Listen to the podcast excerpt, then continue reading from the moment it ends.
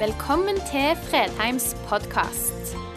For mer informasjon og ressurser, besøk oss på fredheimarena.no, eller finn oss på Facebook.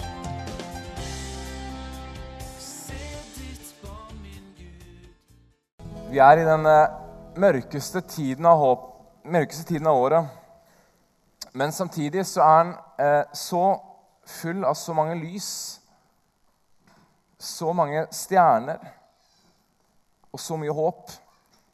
For et par uker siden fikk jeg vel eh, en del av en undervisning fra menighetsplanter fra den anglikanske kirken i London, som hadde gjort en planting i et urbant eh, område i London, eh, i en gammel kirke som har vært der i århundrer. Eh, men etter hvert så står det at det, måten de drev kirke på, ikke lenger fungerte. Det var ingen oppslutning, det var ingen som kom. Ingen som, det var bare noen få igjen. ytterst få igjen. De så at vi er nødt til å gjøre noe radikalt nytt. Og veldig ofte der da så kommer inn noen av de store kirkene som på en måte har om, blitt, ser annerledes ut og når mye yngre mennesker, og får lov å være med å plante inn nytt inn i de gamle kirkene. Og det hadde skjedd her. Dette var et eh, område i London som var eh, dypt muslimsk. Masse, masse, muslimer som bodde rundt der. Eh, og den Menighetsplanteren forteller på en måte om hvordan, han, hvordan de måtte tenke nytt for å prøve å nå disse folka som ikke hadde en kristen kultur å bygge på. En av tingene var at De begynte å lære seg arabisk for å måtte møte dem på deres språk. Så kom det til juletiden, da. og de jobba med hvordan kan vi formidle det at Jesus er verdens lys, og Jesus er lys i mørket, til disse menneskene på sånn måte at de forstår det. For de hadde ikke den kulturen i bak, bakhånd som gjorde at de ville forstå umiddelbart hva det ville bety. Så de landet på at ok, vi lager en lysfest. Så de inviterte inn hele nabolaget, muslimer, sekulære, kristne, inn for å lage eh, lys. Og så satt de LED-lys inn og så hadde de en lysparade hvor de gikk gjennom gatene seint på kvelden. Eller ikke seint på kvelden, for ungene hadde lagt seg. Og lyste opp de mørke gatene. Og så på slutten så hadde de en fest hvor de dro da den, dro da den koblingen. Det dere har vært med på nå i dag, er å lage et lys i mørket. Jesus er verdens lys, og Jesus lyser opp alt mørke. Jeg tror, Er det noe jeg tror vi trenger alle sammen, så er det en følelse av håp. I arbeidet med den talen her så eh, jeg kom jeg på en tekst jeg skrev på Facebook for et års tid siden. Noen refleksjoner jeg gjorde meg om nettopp den tiden vi står i. som Jeg tenkte jeg skulle lese. Jeg har ikke for vane å sitere meg sjøl, men en gang må bli den første for absolutt alt.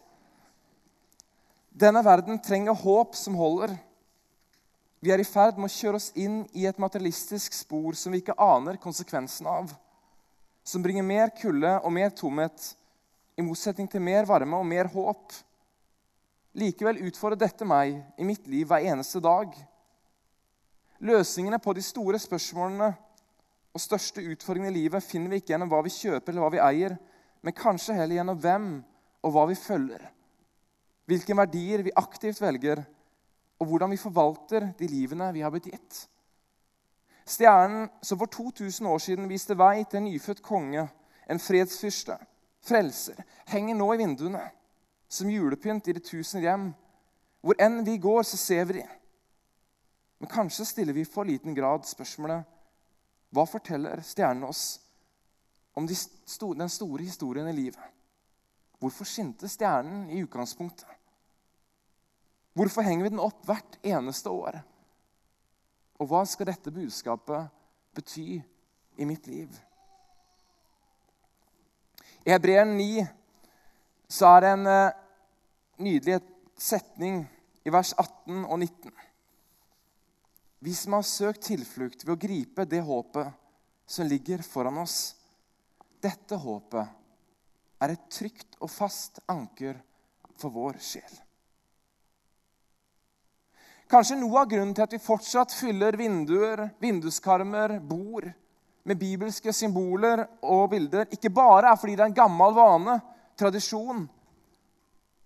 Kanskje det også er fordi vi kjenner et behov for håp. Noe større. Noe som faktisk holder. Vi merker hvordan det gjør noe med oss når alle disse lysene i gatene lyser opp mørket. Kanskje tenker også noen av oss hva hvis det var et lys som kunne lyse opp hele mitt mørke? Like mye merker vi når lysene plutselig slukkes i januar. Det blir så mørkt, så tomt. Det er så noe mangler. Og vi merker alle og enhver mer enn noen gang hvordan det materielle ikke kan være et anker for vår sjel. Vi trenger et større håp. For å google prisjakt på Black Week gir meg egentlig ikke ro i sjelen.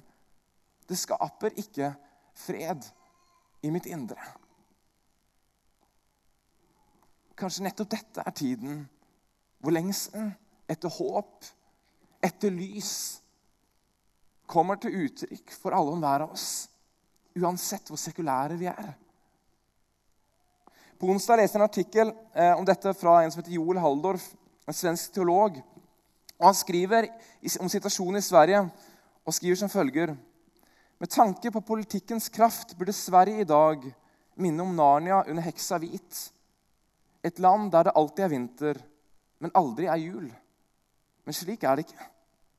Sverige beskrives ofte som verdens mest sekulariserte land, men i desember tar sekulariseringen pause. Første søndag i advent går nesten én millioner svensker i kirken, og nesten like mange feirer Lucia og julens gudstjenester. Sekulariseringen av Sverige var et politisk prosjekt. Og med tanke på politikkens kraft burde Sverige da minne om Narnia og heksa hvit. Et land der det alltid er vinter, men aldri jul. Men det virker ikke som særlig mange ønsker å gå så dypt inn i sekulariseringen. I stedet pynter vi hjemmene våre med stjernen fra Betlehem og lysestaker som minner om tempelet. Sekulære nordboere lytter til julehymner og går i kirken i vår tid, i Norge og Sverige, Skandinavia, stor del av Vesten, så er advent preget av mye gull og glitter, blinkende lys, skinnende papir, lokkende tilbud. Det første jul og advent var likevel langt mindre fylt av gull og glitter. Men likevel full av håp, og ikke minst kostnaden av å være håp med inkarnasjonen at Gud ble menneske. Så gjorde Gud seg sjøl sårbar for å nå hver enkelt av oss. Ikke bare ble han sårbar fordi han ble et menneske, men han valgte også en tid og et sted og en måte å ankomme på som satte han selv i vanskeligheter. Han gav opp å bare være en opphøyet og utilnærmelig Gud han gav avkall på en del av sine privilegier for å gi andre enn seg selv uendelig store privilegier. Gjennom at han ble en av oss. Ikke bare ble han en av oss, men han valgte å komme på en måte som fortalte noe om hvem han var. Skjønner, Det var ikke uproblematisk at Maria plutselig ble gravid. For som de fleste andre av oss så forsto jo også Josef at hvis han ikke var faren, så var det jo noen andre som måtte være det. Og I Matteus 1 så står det at fordi at han ikke ville føre skam over Maria, så ville han skille seg fra henne i all stillhet. Folkens, dette er inngangsporten til historien om Jesus i evangeliene. Dette var rundene som begynte å gå før han i det hele tatt var her som menneske. Det var turbulens fra utgangspunktet av. Jesus velger å bli født inn i verden på en høyst usikker måte. Et lite øyeblikk der er det usikkert om Jesus i det hele tatt vil ha en menneskelig farsskikkelse å se opp til. Men Gud møter da Josef gjennom en drøm og forteller at dette barnet er unnfanget ved Den hellige ånd. Og Josef snur og tar heller Maria til sin kone. Hvilken tillit Gud har måttet ha til denne mannen.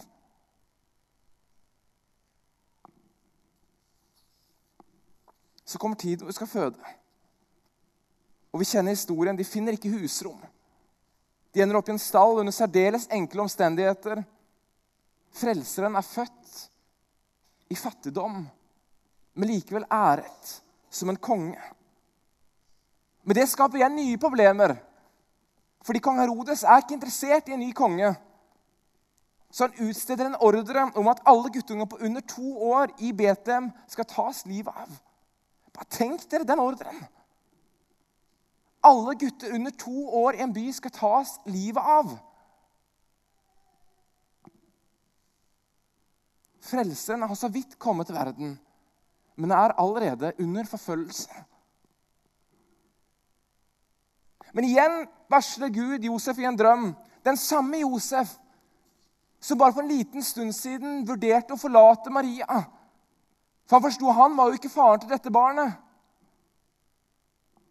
Og Gud ber dem å flykte til Egypt. Frelseren har blitt en flyktning. Så allerede fra unnfangelsen og kanskje inn det første året av Jesus sitt liv så har han vært truet av nært samlivsbrudd, i fare for å vokse opp uten en menneskelig farsskikkelse, født inn i fattigdom, utsatt for forfølgelse, flyktning i fremmed land. Gud kunne kommet høytflyvende inn i verden som menneske, men han valgte det bort. Han valgte å komme særdeles lavt inn.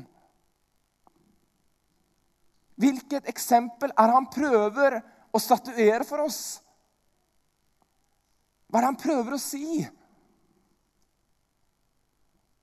Og hvem han er, og hva som kjennetegner ham. For det eksempelet han setter opp, vil være uendelig relevant, særlig i den ventetiden vi står i som kirke nå. For det er nettopp hans komme vi skal feire. Og hvordan står det i samsvar med det livet vi lever? Med holdningene mine, med verdiene våre? Og ikke minst i denne tiden hvor vi stønner etter håp og etter lys. Hvem er denne kongen? Hvem han enn er, må han være en konge for oss alle.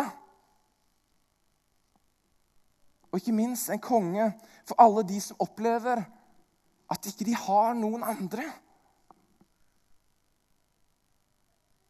Kanskje er det derfor.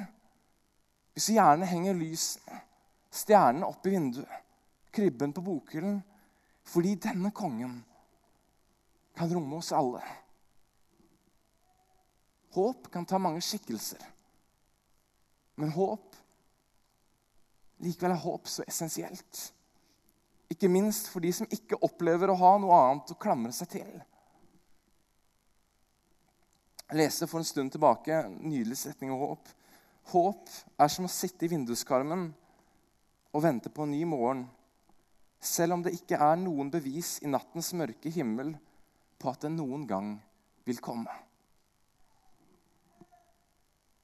Og hvis håp i tillegg skal være et anker for min sjel, så må det være et håp som vi vet vi kan bygge livet vårt på. De siste ukene har vi sett hvordan det ser ut når et menneske er villig til å gå i fengsel for å gi noen av de mest utsatte menneskene i dette landet et håp i hengende snøre. Arne Viste, som kjempet en kamp for papirløse flyktninger over lang tid. En kamp for å være med og gi det han kan gi til folk som med god grunn kan kjenne på håpløshet. Og For det vant han Petter Dass-prisen. Og et intervju knytta til dette sier han følgende Materialismen er den største drivkraften bak avkristningen av Norge. Han definerer da materialismen som ideen om at vi må greie oss selv, at oljefond, hus og eiendom er hovedfokus i livet, også for mange kristne. I en verden preget av så mye urettferdighet blir et slikt syn veldig feil. Fokuset må være på å ivareta vår neste. Det må vi også bli flinkere på i kirken, sier han. I avkristningens tid må vi slutte å mele vår egen kake og ikke ha fokus på å ivareta våre egne privilegier og rettigheter. Og vi kjenner oss at vi sitter i glasshus, inklusiv meg selv. Definitivt. Men likevel vet vi at vi har så godt å bli minnet om det. For så fort begynner julen å handle om noe den egentlig ikke handler om. Og advent blir påvirket av all glamouren som blir pushet på oss fra alle mulige kanaler. Og til slutt blir det en ventetid på en eller annen nusselig konge som blir til i en stall, når det egentlig historien handler om at de venter på en fattig, forfulgt flyktning som også var frelser, herre, konge og Gud. Det er et paradoks at de som lever i en tilsittende situasjon som den Jesus levde i når han kom inn i denne verden, kanskje er de som gruer seg mest til jul. Et eller annet sted gikk vi feil.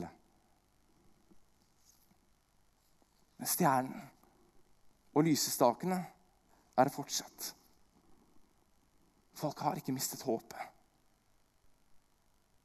Men kanskje står vi av og til i fare for å glemme hvordan det ser ut. Hvorfor kom han slik han gjorde? Her, i, her dagen så leste jeg profeten Esekiel. Og jeg ble enormt, ble enormt, møtt av en tekst som jeg aldri har blitt møtt av tidligere i den, i den boka. er en tekst som nærmest oppklarer eller som i hvert fall er profetens egne ord av hvorfor det skjedde som det skjedde, om en av de mest dramatiske tekstene i Det gamle testamentet. Når disse byene Sodoma og Gomorra ble utslettet av Gud i 1. Mosebok 19, så sies det der i 1. Mosebok 19 at klageropet hadde steget opp til Gud, for synden var svært stor.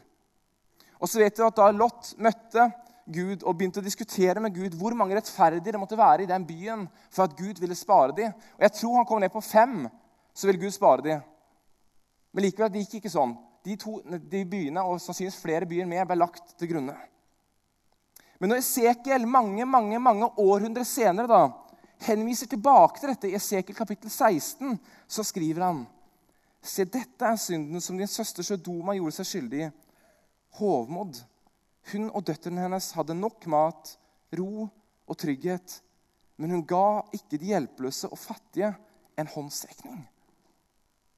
Håndmodige var de og gjorde slik som jeg avsky for, men da jeg så det, drev jeg dem bort. Dette er en av de mest dramatiske tekstene i Gammeltestamentet. Og begrunnelsen som Esekiel gir, vel å merke mange århundrer senere, er fordi de hadde overflod, men de tok seg ikke av de som virkelig trengte det. Vi har nok, også nok mat, ro og trygghet. Hvordan tar vi av oss de som virkelig trenger det. Du ser det er et hjerte her hos Gud for din nød. Jeg nevnte det for to uker siden òg. Det går fra perm til perm gjennom hver eneste bok. Det er en nød for de som har det tøft. Og det er utrolig utfordrende for oss som lever i et av verdens rikeste land, som lever i vår velstand i hvordan vi tar vare på de menneskene blant oss som ikke er like privilegerte. De som lever i fattigdom, lidelse og nød. De som trenger at vi ser dem, møter dem og tar vare på dem. Og vi kommer ikke utenom det uansett hvor vi plasserer oss politisk, til høyre, til venstre eller sentrum. Rettferdighet ligger på Guds hjerte uansett. Og De politiske sakene den siste uken har bare så til de grader satt det på dagsordenen. Hvorfor drar jeg Sodoma inn i en adventspreken? Jeg vil anta at ikke det er A4. Fordi stjernene henger der. Etter hvert så vil treet skinne. Peisen brenner. Gløggen er varm. Vi må ta oss tid til å reflektere over hvilken konge er det vi faktisk venter på. Vi venter ikke på en konge som vasser rundt i materiell velstand. Vi venter på en konge som vet hva det vil være å være fattig, utstøtt, på flukt og forfulgt. Hvordan, hvor og når han valgte å bli menneske i denne verden, Og hva hans fødsel dermed sier om det som ligger på hans hjerte og hans karakter. Det må være essensielt. Og det er ingen tid i året hvor dette blir mer aktuelt enn nettopp nå i jula. Vi sang en sang helt til starten her, som vi som regel synger i advent. Tenn lys, to lys skal skinne, for kjærlighet og tro. For dem som viser omsorg og alltid bygger bro. Må fanger få sin frihet og flyktninger et hjem. Tenn lys for dem som gråter, og dem som trøster dem. Dette håpet, folkens, denne stjernen, denne kongen, dette lyset Det er et håp som holder. Dette håpet er et trygt og fast anker for vår sjel. Men det er et håp for alle. Ikke minst for de som lider og har det tøft. For han står ved den fattiges høyre side og hjelper ham mot dem som dømmer, som det står i Salme 109. Hvor enn vi går, tennes julelysene og stjernene. Vi venter på håp, vi venter på kongen. Et håp som holder. Et lys som kan lyse opp hele vårt mørke. Vi ber. Kjære Jesus. Takk for at du kom til jorda. Som et menneske. Takk for at på den måten du kom på Jesus, så inkluderer du absolutt alle. Også de som kan kjenne på at ingen andre ser dem. Herre, nå be om tilgivelse for mitt liv for de gangene jeg går feil. Så ber vi deg om at din kirke, Jesus, at vi må bli må se de som trenger å bli sett, på en like god måte som det du gjorde. da.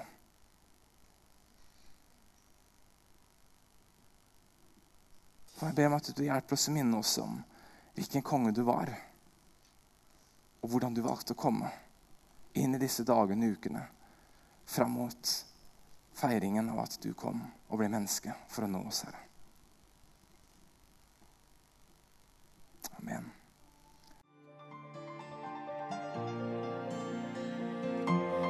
For at du valgte å høre på. Nye opptak legges ut hver uke. Vi har gudstjenester hver helg, og du er hjertelig velkommen.